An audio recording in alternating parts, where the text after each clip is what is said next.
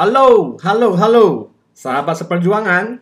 Terima kasih telah bergabung dengan saya di podcast Kecerdasan Finansial. Goal saya untuk podcast ini adalah membantu sahabat seperjuangan untuk bisa mencapai financial freedom dengan belajar kecerdasan finansial atau Caisang. Selamat datang di episode ke-10 dengan topik Jadi Kaya. Lao percaya banyak dari kita yang berhasrat untuk menjadi kaya. Berhasrat menjalani hidup sebagai orang kaya. Berhasrat untuk mencapai financial freedom. Benar nggak? Joe Lao dulunya juga tidak punya apa-apa. Ketika beliau masih muda, melihat papa dan mamanya kerja keras, namun tetap saja masih berhutang di luar. Di kala itu, beliau sudah bersumpah untuk bisa menjadi orang kaya selagi masih hidup. Lalu, bagaimana caranya untuk bisa menjadi kaya? Apakah ada rahasia menjadi kaya? Hari ini, Cho Lao Shi akan sharing rahasia terpenting untuk menjadi kaya. Apa itu? Ayo, kita dengarkan dengan seksama. Pertama-tama, Zhou Lao Shi akan memberikan sebuah kata untuk kita semua, yakni "Qiong Zhe Si Bian", yang artinya bahwa di masa kemiskinan perlu untuk menemukan cara untuk mengubah keadaan. Shi menyadari bahwa di Tiongkok, orang selatan lebih kaya daripada orang utara, terutama orang Teochew yang di daerah Guangzhou merupakan orang-orang terkaya di Tiongkok, yaitu orang-orang kaya seperti Li Jiacheng, Ma Huateng, Huang Guangyu. Itu karena mereka dulunya terlalu miskin. Termasuk juga orang Yahudi yang merupakan bangsa yang terkaya di dunia.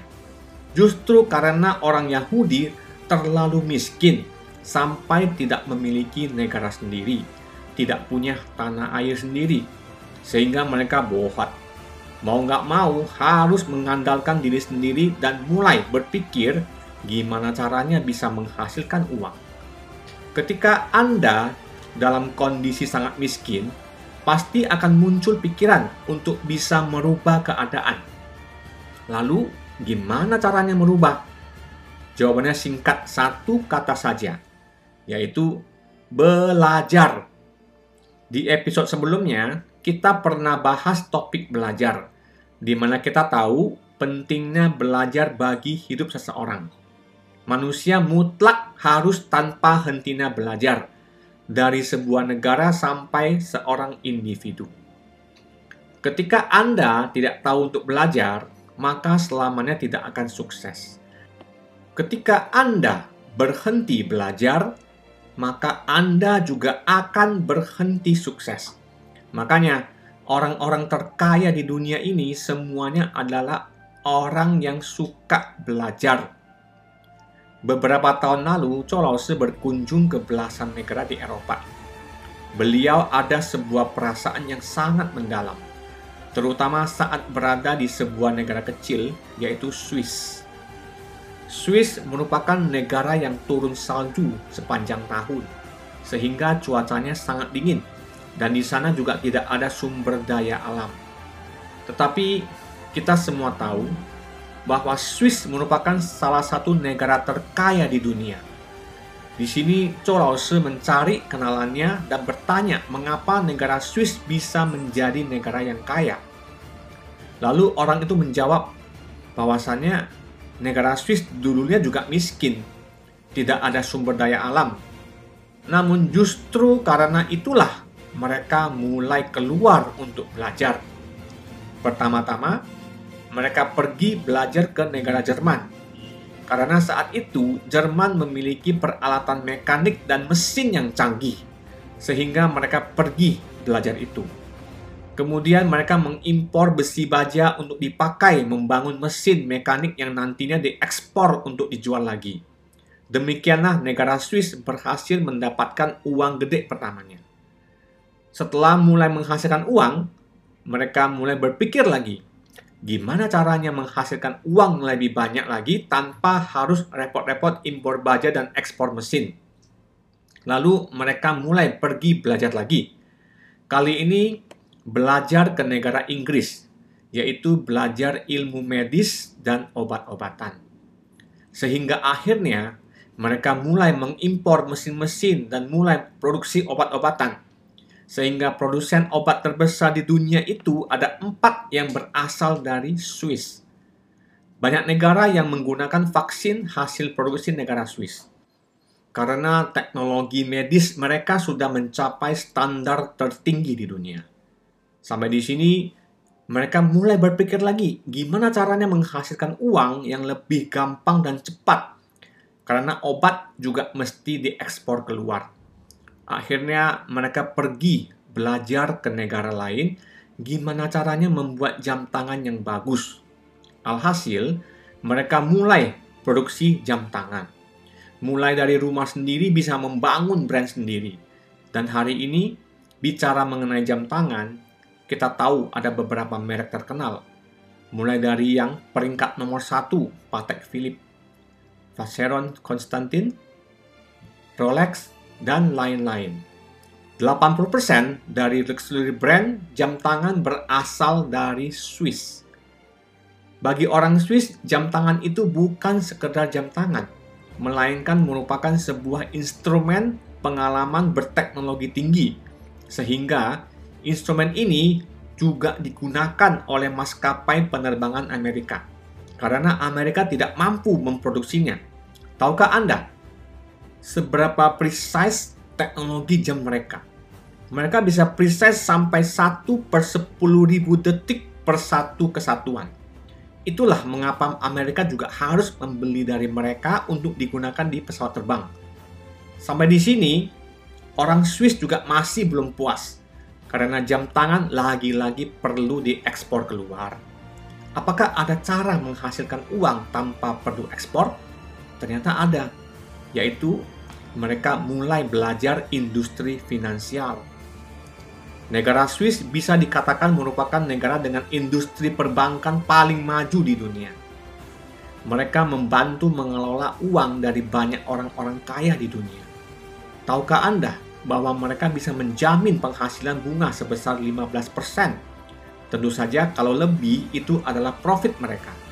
Lalu tahukah Anda berapa gaji seorang aktuaris yang bekerja di Bank Swiss. Anda mungkin akan kaget mendengarnya. Setahun, mereka mendapatkan gaji sebesar 80 miliar rupiah di luar bonus. Jadi, industri perbankan di Swiss merupakan yang paling top di dunia. Dan pendapatan per kapita negara Swiss merupakan yang tertinggi di dunia juga. Dengan kata lain, Swiss bisa begitu kaya raya itu karena mereka tiada hentinya belajar tanpa hentinya belajar. Dari sebuah negara sampai seorang individu, setiap orang benar-benar harus belajar tanpa henti. Kita ambil contoh negara Tiongkok. Masa kekaisaran Tiongkok bertahan selama 2000 tahun lebih dan berakhir sampai dinasti Qing. Tidak ada lagi kaisar tetapi kita semua tahu, hari ini di Jepang tetap ada Kaisar Jepang. Itu karena orang Jepang belajar dari Inggris. Dan Inggris merupakan negara terkuat masa itu. Sehingga mereka belajar sistem monarki konstitusional, yakni bentuk pemerintahan di mana kekuasaan raja dibatasi oleh konstitusi. Perdana Menteri yang mengelola negara. Sampai hari ini, Kaisar Jepang sama seperti Ratu Inggris, hidupnya berkelimpahan, tidak perlu mengurus negara, sebagian hasil pajak dipakai untuk menghidupi semua anggota keluarga raja. Sebaliknya, Kaisar Tiongkok berakhir tragis karena tidak belajar. Dengan kata lain, bahkan seorang kaisar pun bisa mati karena tidak belajar, apalagi kita, rakyat jelata. Makanya, mutlak harus belajar tanpa henti. Belajar dan berubah merupakan satu-satunya jalan untuk menjadi kaya raya. Sampai di sini, Zhou Laoshi teringat sebuah TV show beberapa tahun lalu yang cukup terkenal. Judulnya Xue Pao Snow Leopard yang diperankan oleh Wen Chang. Di dalam cerita itu dia memerankan seorang tokoh yang namanya Zhou Wen yang nantinya berubah nama menjadi Zhou Weiguo. Kenapa orang ini begitu lihai? Mengapa orang ini setiap kali berperang bisa menang dengan jumlah prajurit yang lebih sedikit itu semua karena dia mau belajar dari Akademi Militer Pusat, lalu belajar ilmu militer dengan orang Jerman, dan juga belajar dari orang Jepang. Dia punya seorang teman Jepang, sehingga bisa belajar bahasa Jepang, bisa belajar kendo, juga belajar budaya Jepang. Ini semua amat membantu saat dia perang melawan orang Jepang Itulah mengapa tiap kali dia bisa memimpin pasukannya masuk ke dalam perkemahan lawan karena dia bisa menyamar sebagai orang Jepang. Dia bisa bahasa Jepang. Sebenarnya Chou Weiko tidak mau berteman dengan orang Jepang tersebut.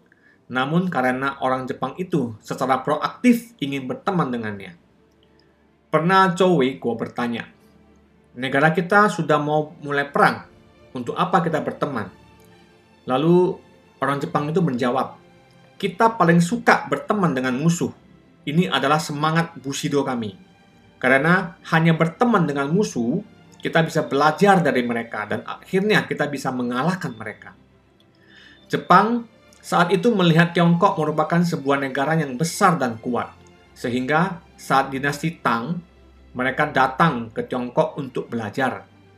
Kemudian saat Tiongkok mulai mengalami kemunduran, mereka mulai belajar dari negara Eropa. Karena saat itu Eropa mulai maju. Itulah yang membuat negara Jepang bisa sedemikian cepat majunya.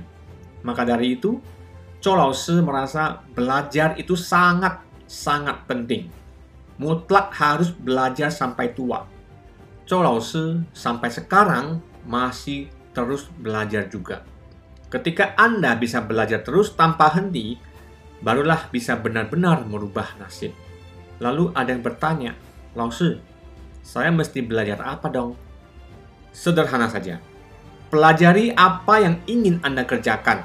Misalnya, Anda ingin bisa perbaikan mobil, jangan banyak omong lagi. Langsung cari montir terbaik dan belajar dari dia. Jika Anda ingin membangun bisnis, carilah orang yang sudah sukses membangun bisnis dan belajar dari dia. Jika Anda ingin menghasilkan uang, belajarlah dari orang yang paling jago cari uang. Jika Anda ingin jadi investor, maka harus belajar dari seorang investor yang paling sukses. Oleh karena itu, Laoshi sendiri juga telah pergi ke puluhan negara untuk belajar. Sudah menghabiskan biaya puluhan miliar rupiah untuk belajar dan pelatihan. Tiap tahun paling sedikit mengeluarkan 6 sampai 8 miliar rupiah untuk belajar. Dulu saat Laoshi baru mulai hanya mampu mengeluarkan beberapa juta rupiah untuk belajar. Hari ini beliau sudah banyak uang sehingga bisa keluar lebih banyak uang untuk belajar. Dengan kata lain, tiap tahun beliau menganggarkan 5 sampai 10% uangnya untuk pembelajaran Dulu Chou Laoshi menggunakan uangnya 100% untuk belajar. Barulah bisa ada hasil seperti sekarang. Ingat, hanya dengan belajar baru bisa bertumbuh. Bisa bertumbuh, barulah bisa berbuah. Benar-benar harus belajar tanpa henti.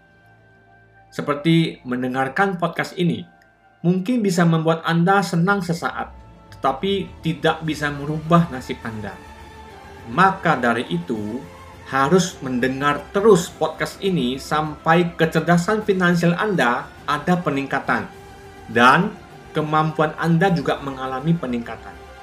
Semoga melalui topik hari ini, sahabat seperjuangan bisa mengerti intisari dari menjadi kaya, yaitu Sibian, yang artinya bahwa di masa kemiskinan perlu untuk menemukan cara agar bisa mengubah keadaan.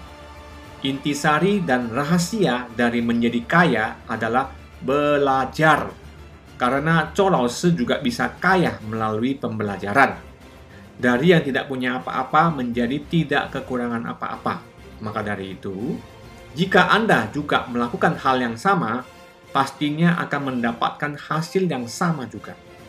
Sampai jumpa di episode yang akan datang.